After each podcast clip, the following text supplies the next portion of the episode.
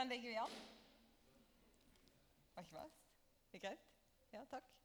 Det er hyggelig. Hyggelig med en sånn respons. Da tar jeg den. Jeg syns hun lot meg henge litt lenge. Er dere enig i det? I denne sketsjen? altså Nei, nå, Guri, ja, ser du at jeg glemte? Den der klikkeren. Jeg ble så stressa jeg skulle være med i dette dramaet, og så gikk jeg for tidlig opp. Du, jeg tror jeg velger å si nok en gang god formiddag. Og så, så skal jeg tale inn i en serie som vi har her på Frimisjonen. Det er sånn at Vi tilhører Misjonskirka Norge. Og Misjonskirka Norge har satt en litt sånn kurs for oss. Og det er tro, sende, plante. Det er ikke bare oss, men for hele organisasjonen så er liksom tro, sende, plante. Det er noen tema og begrep som vi løfter høyt de neste ti årene. Og ja, ja, da tok vi den utfordringa her i kirka, og så snakker vi i en serie som heter 'Jeg tror'. Og Vi har tatt utgangspunkt i trosbekjennelsen. I dag så skal jeg få lov til å snakke om noe som eh, jeg må innrømme at hvis jeg hadde gått tilbake i dag, altså Tusen takk for, eh, for bursdagspresang. Da kan jeg jo bare si i dag er jeg 39 år. Eh, ja uh, det, er jo, altså, det er jo litt sånn her, her 39. Men eh, eh, Jeg merker jeg blir flau når jeg snakker om min egen bursdag. Men eh, jeg tenker Temaet i dag er en hellig, allmenn kirke. Og så tenkte jeg på det at 19 år gamle, gamle Ellen Merete, altså for 20 år siden Hun hadde noen ting hun skulle oppdage om dette temaet. Det er nemlig sånn at jeg måtte gå ei reise eh, sammen med Herren og meg selv og en del andre for å skjønne litt mer av kirke. For hadde du spurt 19 år gamle Ellen Merete, så hadde hun nok sagt kirke. Det er et konsept i en bygd, eller i et bygg i en bygd, som heter Lista, der jeg kommer fra. og Der ligger det på Langåger. Hva er kirke? Jo, det er noe som står på toppen av kirkebakken i Vanse, som, eh, som er et sted, da. Hva er kirke? En hellig, allmenn kirke. Og når jeg gjorde forberedelse til dette, så gikk det opp for meg at for litt over et år siden, altså den 5. september i 2021, så snakka jeg om Hold deg fast. Hva er menighet? Eh, så jeg var litt sånn, Skal jeg bare ta en blåkopi av den talen? Jeg leste gjennom den, hørte litt og tenkte ja, jeg står ennå inne for det. Så jeg tenkte nå, et år etterpå, så får du en 2-0 av den talen der. Hvis du syns at det var noe du savner å høre om hva kirke er, så syns jeg du skal gå inn på podkastene våre så skal du høre den talen der. Det er ikke ofte jeg anbefaler meg sjøl, men jeg merker at jeg sto inne for det jeg hadde sagt. Hva er kirke? Er det et bygg? Det er jo ikke feil å svare det. Er det feil, eller? Hva er kirke? Vi skal lese fra eh, evangelien. Eh, Jesus han snakker ikke så veldig mye om kirke. Jeg vet ikke om du har lagt merke til det? Han snakker, han snakker mye om Guds rike. Han kommer med en del råd til livet. Men det er ikke ofte han gir oss liksom der, her er oppskriften eller her er strategien for 20, eh, 2022 til 2030. Da kommer ting til å endre seg. Det er ikke mye han bruker begrepet kirke, men han gjør det. Da Jesus kom til distriktet rundt Cesarea Filippi, spurte han disiplene sine. Hvem sier folk at menneskesønnen er? De svarte. Noen sier døperen Johannes. Andre Elia. Og andre igjen Jeremia eller en annen av profetene. Og dere, spurte han. Hvem sier dere at jeg er? Da svarte Simon Peter, 'Du er Messias, den levende Guds sønn.' Jesus tok til orde og sa, 'Salig er du, Simon, sønn av Jonah.' For dette har ikke kjøtt og blod åpenbart deg, men min far i himmelen. Og jeg sier deg, du er Peter, og på denne klippen vil jeg bygge min kirke. Og dødsrikets porter skal ikke få makt over den. Jeg vil gi deg himmelens nøkler. Det du binder på jorden, skal være bundet i himmelen. Og det du løser på jorden, skal være løst i himmelen. Og så det er typisk Jesus å være litt rar. Så påla han disiplene å ikke si til noen at han var Messias. Det er ikke alltid jeg skjønner meg på han. På denne klippen vil jeg bygge min kirke. Det er noen som har tenkt at det var Peter, personen, som var veldig viktig. Jeg tenker litt annerledes. Men noen tenker fort altså at det er et bygg når de hører kirke. Et kirkebygg. Her er vårt kjære Frimisjonen. Eller kjære Her kan det være mange erfaringer. Bygget, det er jo egentlig ikke selve kirke. Det er et kirkebygg. Bygga for å romme kirkens vesen. Det kan være høres litt avansert ut, men la meg forklare. Først har jeg lyst til å si, Betyr det at jeg sier at Jeg har tenkt å si at bygg ikke er viktig? Nei, det har jeg ikke tenkt å si. Så heldige vi er som kan samles i et bygg. Så heldige vi er som kan samles eh, innendørs. La oss begynne der. Så heldige vi er som har plass. Så heldige vi er som kan få lov til å komme sammen uten at noen står og vil ta oss. Jeg tror ikke at bygg er uten betydning. I samfunnet blir det ofte snakka om hellige rom. Det blir jo brukt litt forskjellig. Og hva som menes, er nok eh, forskjellig. Men jeg har tenkt at jeg syns faktisk det er ganske sterkt at vi har bygg i Norge hvor Guds ord hver eneste uke blir lest høyt. Hvor lovprisning blir sunget til Jesu ære. Hvor vi ber. Hvor Herrens bønn, altså vår far, hvor den blir bedt. Og hvor menneskers sukk blir løfta opp. Jeg syns det er sterkt når trosbekjennelsen blir lest over hele landet. Tenk at vi har en bygg som legger til rette for det. Og mennesker, både store og små, blir velsigna og døpt. Er kirkerommet uten betydning? Nei, det tror jeg ikke. Og Ikke minst så tror jeg at mange har opplevd at kirkerommet er et slags sånn tilfluktssted. Å få lov til å komme og sette seg i et kirkerom, det er et eller annet med det. Å få lov til å sette seg ned det er litt Jeg tenkte, og det kan være at det, dette er jo, det jeg sier nå, er jo litt sånn sannhet med modifikasjoner, men likevel så tenkte jeg å få lov til å gå inn i et kirkerom og bare sette meg vet, Hvis jeg er hjemme hos meg sjøl, så kan jeg bli så opptatt av hvordan det skal være når noen kommer. Men jeg får lov til å sette meg i et rom som er via til Herren. At det, det gjør noe med meg. Vi er sikkert veldig forskjellige på det. For noen så er det kanskje det samme hvor du sitter henne. Jeg tenker Vi er heldige, det er det jeg har lyst til å si. Vi var på menighetstur til Borgen for eh, ikke så lenge siden. Det er kanskje en måned siden. noe sånt. Og da tenkte jeg Å, her var det godt å komme. Det er noe med å komme inn et sted som har vært prega i mange, mange år av bønn av lovsang. Det har vært fint med etter skoletid som vi har med her i, i Frimisjonen. Det er for barn fra 5. til 7. klasse.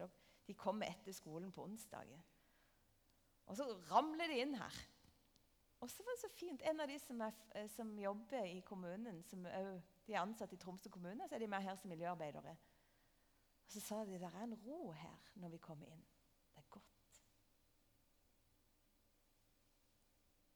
Er det bygget. Alltid koselig å komme inn i et bygg som er godt tatt vare på. Men det er noe med hva bygget rommer. Hva som har prega et sted over lang tid. Jeg skal ikke tale om bygg, men jeg hadde lyst til å si det. Er Kirken et bygg? Du, den største delen av kristne i 2022 de lever under helt andre vilkår enn oss. Visste du det? At millioner av våre kristne søsken de lever under forfølgelse. Det er ikke trygt å tro på Jesus. Det er ikke trygt. De risikerer livet sitt. Og det har noen gjort fra begynnelsen av, helt ifra kirka ble født, som var på pinsedag. De første kristne går altså fra ca. 3000, litt over det, på pinsedag, til å bli det vi anslår å være over 20 millioner kristne fra år 30 til år 300. De hadde ikke en kristen kirke. For situasjonen var nemlig at de var forfulgte. Det var jo ikke lov å tilbe Jesus sånn som de gjorde. Men de kunne ikke la være å snakke om det de hadde sett og hørt. Kirka Det så annerledes ut. Det var menneskene. Og de som gikk Altså Fra år 30 til 300, hvor mange generasjoner er det? Jeg, stiller spørsmål som jeg ikke har tenkt ut. så Er det, er det fem? Er det seks? Altså, det er ikke mange. skjønner du? Jeg kan navnet på min tippoldefar. Det er ikke lang tid. Fra 3000 til 20 millioner. Ja, du kunne regne på det? Kunne du? Det skjedde noe helt vilt på den tida. For kirka har fungert. Det de fikk, Den hellige ånd, ved pinsedag, har de latt leve og boble over. De kan ikke la være å snakke om det de har erfart. De kan ikke la være å dele det de har opplevd. De som har litt peiling på dette, sier at de anslår at ca. 11% av alle som kom til tro, i denne perioden led martyrdøden. Si at vi var 100 her i dag, da. Det tror jeg fort at vi er. Det er jo allerede noen som er gått ned. Kan ikke de elleve som vil gi livet sitt, bare reise seg? Sant? Jeg, skal, jeg trenger ikke gjøre det. Men skjønner du hvilken risiko de har levd under? Kirka har vært noe levende. Noe ikke velorganisert. Det var nok noe organisering, det har jeg lest om. Særlig når de kommer seg så langt som til Efesos. Det er, vel, det er, ikke strukturert på den måten som vi kanskje kjenner, men likevel så går det framover. Kirka virker. Noe skjer. Går fra 3000 til 20 millioner på bare noen generasjoner. Og det bodde mye færre folk i Europa på den tida der. Europa, Midtøsten og deler av Afrika. Og så er det det at Rundt år 320 så finner Konstantin ut at de kristne de begynner å få en størrelse som jeg må bry meg om. For de har vokst i en fart som sjokkerer verden. Og Konstantin han er liksom kjent som iverksetteren av den første kristne statsmakten. Men de som har studert Konstantin, de mener noen av de, jeg skal ikke ta alle under en kam, men veldig mange mener at han var mest opptatt av å få kontroll. Det var jo det som var viktig. Han skulle fram som hersker. Og hvis han skulle få kontroll, så måtte han få kontroll på de kristne. På denne kirka for den vokste jo uansett hva de gjorde med dem. Om de brant dem, om de kasta dem til løv, om det var forbudt eller ikke. Så skjedde det noe der hvor kirka var. Kirka, disse menneskene som var fylt av Den hellige ånd. Og plutselig så gjør Konstantin kristendommen om til en statsreligion. Plutselig er kirka ramma inn av strukturer. Katedraler opprettes. Kirka sitt liv det blir noe som i stor grad foregår i bygg. I byggene som de klarte å bygge. Og Det foregår i seremonier, Det foregår i dialog, i dialog mellom stat og kirkens folk. Det kommer ut i lovverk som bygges på tolkning av Guds ord. Er det bare negativt? Nei, det er ikke det jeg sier. For gjennom 2000 år med kirkehistorie så kan vi lese om fortellinger der Gud har virka gjennom Guds folk. Hele tida. Der hvor Gud får plass, der skjer det noe. Både i katedraler, i kloster, i seremonier og i lovverk som har gitt Guds ord plass. Der ser det ut til å ha skint noe Guds rike igjennom.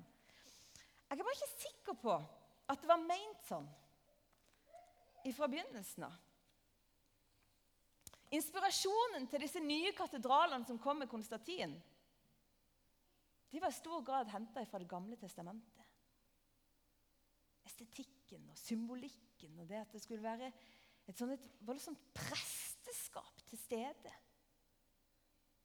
Som skulle sette mennesker og Gud nå, nå karikerer jeg, så det går an å krangle med meg på dette. altså. Det kan du gjerne gjøre etterpå. ikke akkurat nå, Men, men presteskapet kom liksom på plass og skulle være et slags mellomledd. Som om det var noe de ikke hadde forstått. Nemlig at Jesus hadde sagt at han bor ikke i tempel av tre og stein. Dere er mitt tempel nå, formidler han. Nå skal jeg bo i hver enkelt av dere. Og Derfor tenker jeg at kirkebygg jeg tror det er viktig. Jeg tror det er til trøst for mange. og jeg tror, jeg tror vi skal være så takknemlige og ta vare på det. Men det kan ikke annet, tror jeg, enn å være et sted hvor kirka kan møtes.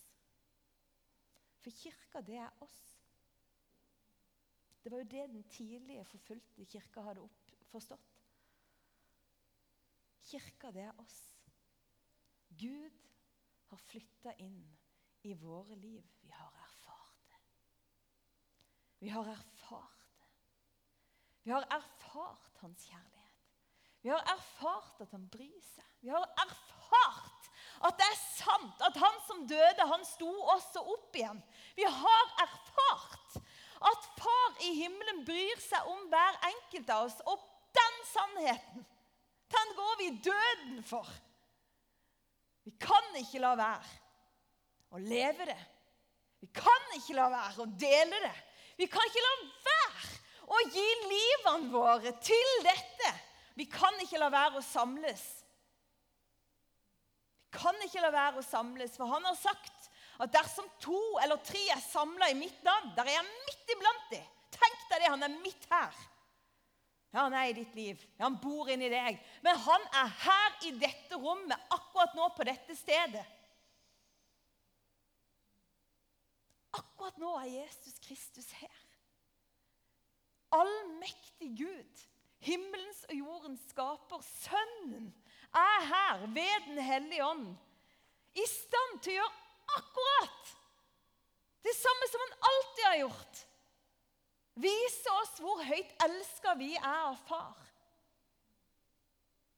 Han som har overvunnet dødens port. Store steiner, vet du. Det er ikke noe sak for ham. Selv ikke døden er sak for ham. Og Vi leste det innledningsvis. Jesus sier på denne klippen, på den bekjennelsen at Jesus er Messias. At han er Herre. Når vi kommer sammen, og når vi løfter opp hvem han er, da Da skal vi se at han skal bygge sin kirke, og dødsrikets porter kan ikke stå imot. Porter, vet du. Vi blir ofte konkrete. Når vi tenker kirke, så tenker vi fort, da tenker vi fort bygg. Når vi tenker porte, så tenker vi ofte noe konkret. En slags stor dør, eller de der greiene som de drev og firte opp og ned. Men portene Altså, det var en makt. Det var noe konkret. Det var òg en makt. For portene, hva som skjedde med portene til en by, det ble bestemt av bystyret. Formannskapet, om du vil. Det ble bestemt av de hva som skulle skje. Det ble bestemt av de hvordan du skulle være. på dette stedet, i denne byen. Og så sier Jesus Når jeg er herre, på den bekjennelsen at jeg er herre, da skal dere se at kirka blir bygd. Og dødsrikets porter. Det er som om man sier avgrunnens bystyre, de kan ikke stå imot meg.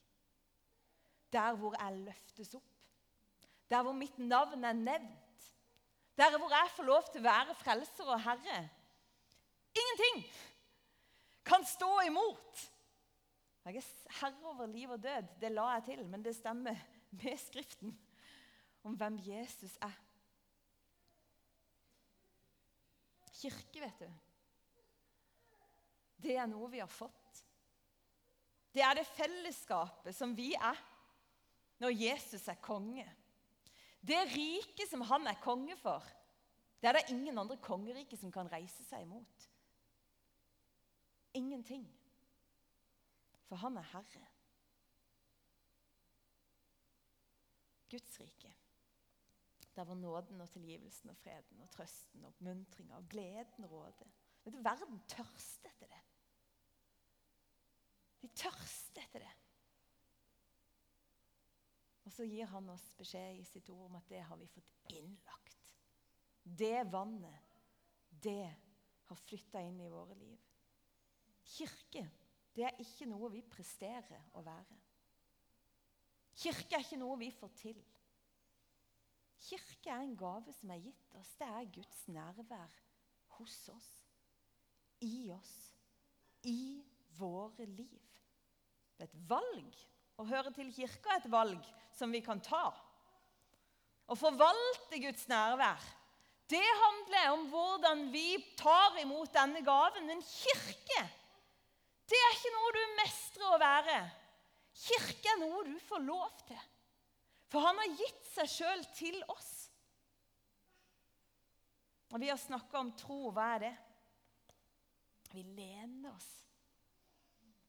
Vi lener oss. Og tro er å lene seg på noe. Og så sier vi jeg tror på en hellig allmenn kirke. Jeg lener meg. Jeg lener meg på dette fellesskapet. Jeg lener meg på dette fellesskapet ikke fordi at dette fellesskapet er så utrolig mye flinkere til alt mulig enn alle andre fellesskap. Jeg lener meg til dette fellesskapet fordi at dette fellesskapet har fått noe som ingen andre fellesskap har fått. Og det er Guds ånd. Og det snakka Bård om sist. Vi har fått Guds ånd. Derfor lener jeg meg på det fellesskapet. Jeg lener meg på det fellesskapet som kirka er. Og Fra kirkefedrene så sa de at Gud er vår far, og kirken er vår mor. Jeg blir minnet om det når jeg har hørt den forrige talen. fordi jeg har sagt, og det mener jeg, at jeg trenger kirka som mor når jeg ikke helt ser far. Jeg trenger å lene meg, sånn at han blir mer synlig. Fordi at Guds ord sier at når vi kommer sammen, skjønner du, da skal vi fatte mer av høyden og dybden og bredden av hvem han er. Når vi kommer sammen, så lener jeg meg til jeg lener meg, jeg lener meg på din lovsang.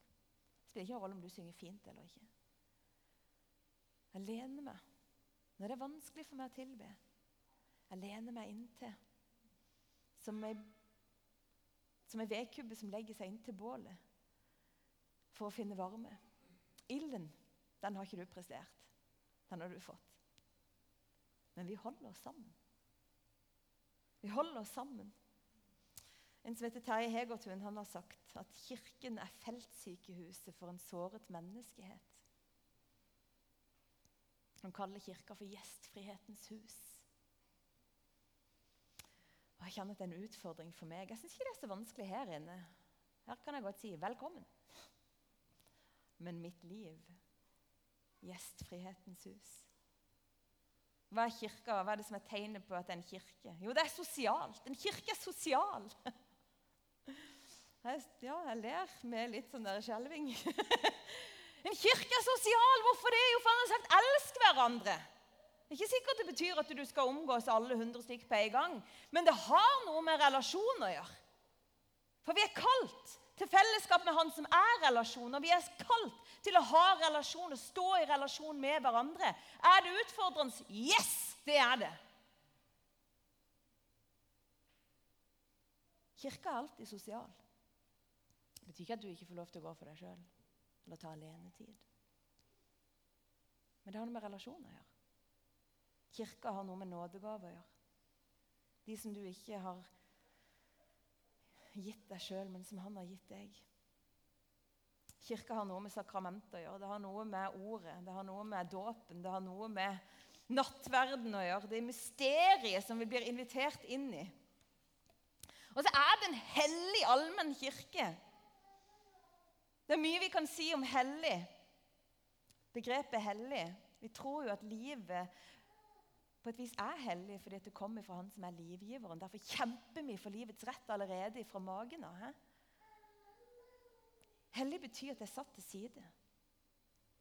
Det er noe som er satt til side for en, på en måte for, for høyere bruk.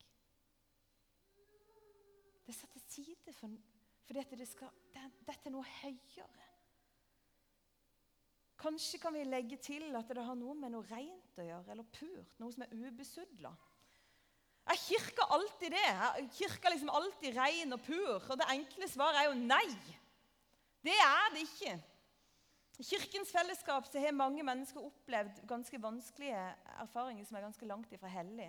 Maktmisbruk, vold, overgrep, tvang, mobbing, utestengelse, krangling, strid, rasisme, diskriminering. Jeg skrevet det ned. Vonde ord vi har påført hverandre sår og smerte. Alt dette preger kirka sin historie. Og Hvis vi tror at det ikke skjer i dag, så tror vi det er livet.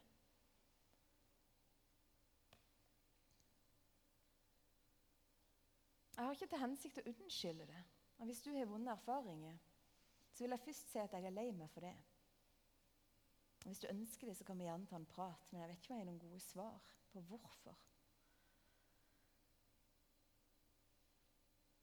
Der hvor kirke er, der er det menneskelige alltid til stede. Der er Gud og mennesket alltid til stede. Peter skriver at vi er levende steiner som bygges opp til et åndelig hus. Kom til ham, den levende steinen. Bli sjøl levende steiner som bygges opp til et åndelig hus.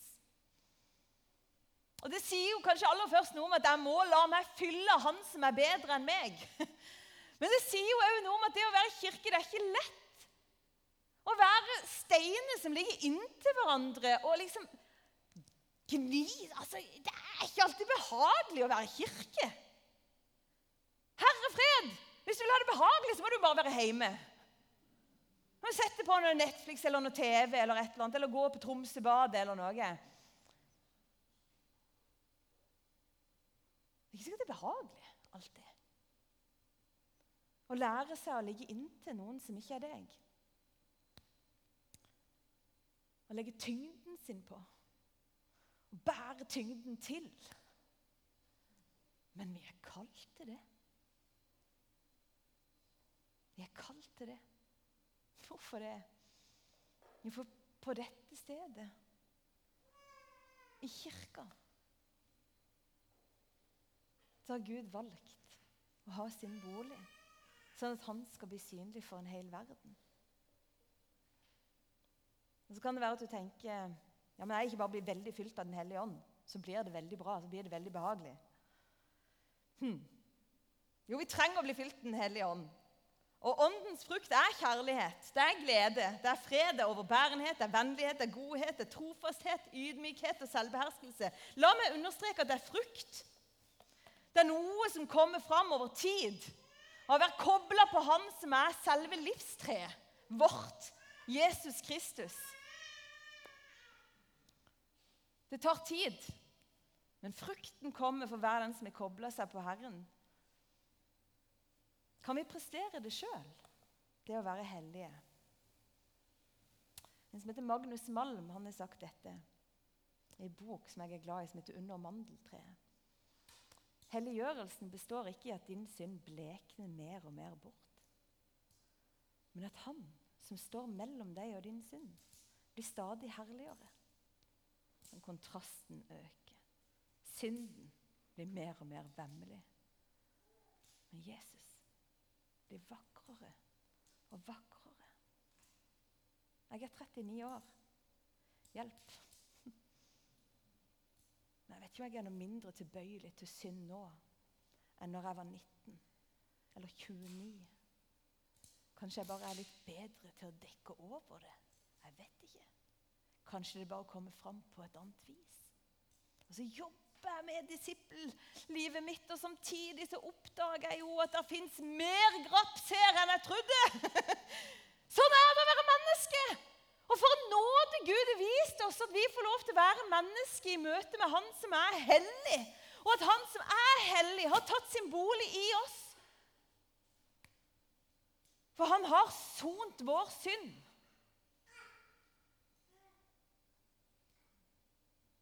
Alle sin synd, og derfor kan vi si at kirka er allmenn. En hellig, allmenn kirke. Og nå nærmer jeg meg landing, men denne kirka som han har gitt oss, den er for alle.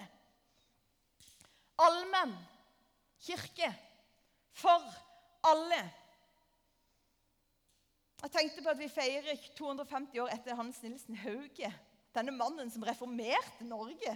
En vekkelsespredikant som gikk rundt til fots med en sånn strikka klær fordi at barnefattigdommen var så stor.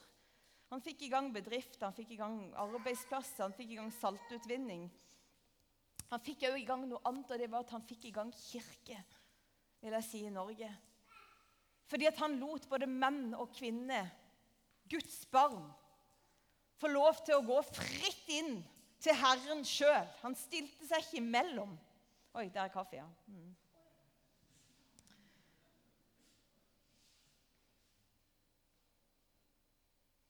Hva var det Hans Nilsen Hauge gjorde? Jo, han bemyndiga vanlige mennesker. Han gjorde egentlig det som Herren sjøl har gjort.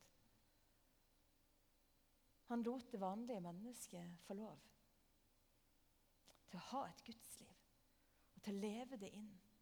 Leve det ut i det samfunnet det var. Det er jo ikke sånn at du er avhengig av meg, du som går i Frimisjonen. Du er ikke avhengig av meg for å ha en kontakt med Gud. Hvis du tror det, så blir jeg jo for det første livredd. Og for det andre så tenker jeg, jeg må bare få sagt det til deg. Sånn er det ikke. Jeg står ikke mellom deg og Gud. Som om ikke du var tatt med på Golgata.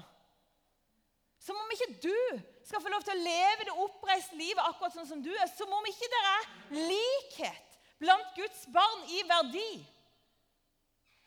Som om ikke du kan gå rett inn til han sjøl og ha kontakt. Det er en allmenn kirke. Og vi er blitt gitt Guds ånd, hver enkelt av oss. Og det er en gave. Det er òg en vanvittig mulighet. Og jeg vil òg si og legge til at for oss er det et privilegium og et ansvar. Tenk at noen har gått i døden for dette. Å bære Guds nærvær til det stedet vi er på. Vi er ikke like. Sånn er det ikke å være kirke. Vi er ikke like her inne i Frimisjonen heller. Det kan være at du tror det hver gang du kommer her, eller det kan være at du lar være å komme her ganske mange ganger fordi du tror at alle de andre er like. Men her inne så er det forskjellige livserfaringer. Det er veldig forskjellige personligheter. I kirka er det forskjellige meninger. Forskjellig politikk, forskjellige legninger, forskjellig bibelsyn. Forskjellige nådegaver, forskjellige måter å erfare Den hellige ånd på. Det er ulike ønsker om hvordan ting skal være her. Det er ikke lett. Vi slipes mot hverandre. Vi kommer ikke til å bli enige. Men vi er et folk.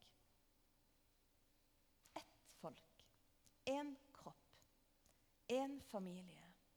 Samme far. Vi bekjenner Jesus som Herre. Og på den bekjennelsen så skal han bygge sin kirke. Jeg tror ikke det var fordi at Peter var så fantastisk god til å tale. At 3000 kom til tro på en dag. Peter var en fisker. Det var ved Guds ånd. Jeg tror ikke at det var fordi at kirken, første kirka var så sinnssykt god til å få alt til. Jeg tror de krangla som bare det. Jeg tror de gikk fra 3000 til til 20 millioner på bare noen få generasjoner fordi at Den hellige ånd fikk plass. Hva er det som gjør at vi er kirke? og vi er konstituert ved at Den hellige ånd har tatt bolig i våre liv. Det utfordrer oss. Jeg trenger å gi han god plass. Og samtidig så sier jeg takk, kjære Jesus, for at det er du. Takk for at jeg kan få lov til å komme med tomme hender. Men jeg kommer med mine tomme hender. Så er det du som fyller alt i alle. I Kina i år ca. 1950 da, da anslås det at det fantes ca. 100 000 kristne. 100 000. 1950, hvor lenge er det siden? 72 år. I dag regnes det Det er én generasjon. Én generasjon. For én generasjon siden så var det 100 000 som trodde på Jesus, og som fulgte ham. De har ikke hatt et bygg. De har ikke hatt 400 lovsangere. De har ikke hatt alt det tekniske på plass. De har antageligvis ikke kirkekaffe. De fleste har ikke hatt Bibel. Men de kom med det de hadde. Og så holdt de sammen. Så lovpriste de ham, det de visste om ham. At han var død oppstanden. Så takka de ham. Og så har de holdt på i 72 år. Og i dag regnes det for å være 200 millioner mennesker som følger etter Jesus i Kina. Og jeg kjenner at det utfordrer meg så. For de kan ikke gjemme seg bak alt som ikke er ferdig i denne kirka. Og de kan ikke gjemme seg bak alt vi skulle ha hatt De dør for sin tro, så går. Så vokser Guds rike. Hvorfor det? Jo, for han er midt iblant oss. Fordi at han har flytta inn. Og de har gitt han god plass. De har skjønt hvem som er huset. Det er de. Det er de. Det er de. Jesus snakker ikke veldig mye om kirke som begrep, men han snakker mye om oss. Og så sier han dere er verdens lys. En by som ligger på et fjell, på en klippe. Kan ikke skjules. Skal vi be. Herre Jesus, du har gitt oss deg sjøl. Og du har gitt oss din egen ånd. Hellige Ånd, du som ruga over vannene fra begynnelsen av. Du som er pusten som opprettholder himmel og jord og ethvert menneske, Herre. Hellige Ånd, du som reiste Jesus opp fra de døde. Du bor i oss. Men du lærer oss å være kirke. Men du lærer oss å være sammen. Men du lærer oss, Herre, å se på deg. Må du lære oss å være mangelfulle, Herre. Må du lære oss, Herre, hver enkelt av oss, hvordan dette skal se ut. Vi har lyst til å se ditt rike gå fram. Jeg har lyst til å se din kirke vokse, Herre. Kom og ta god plass.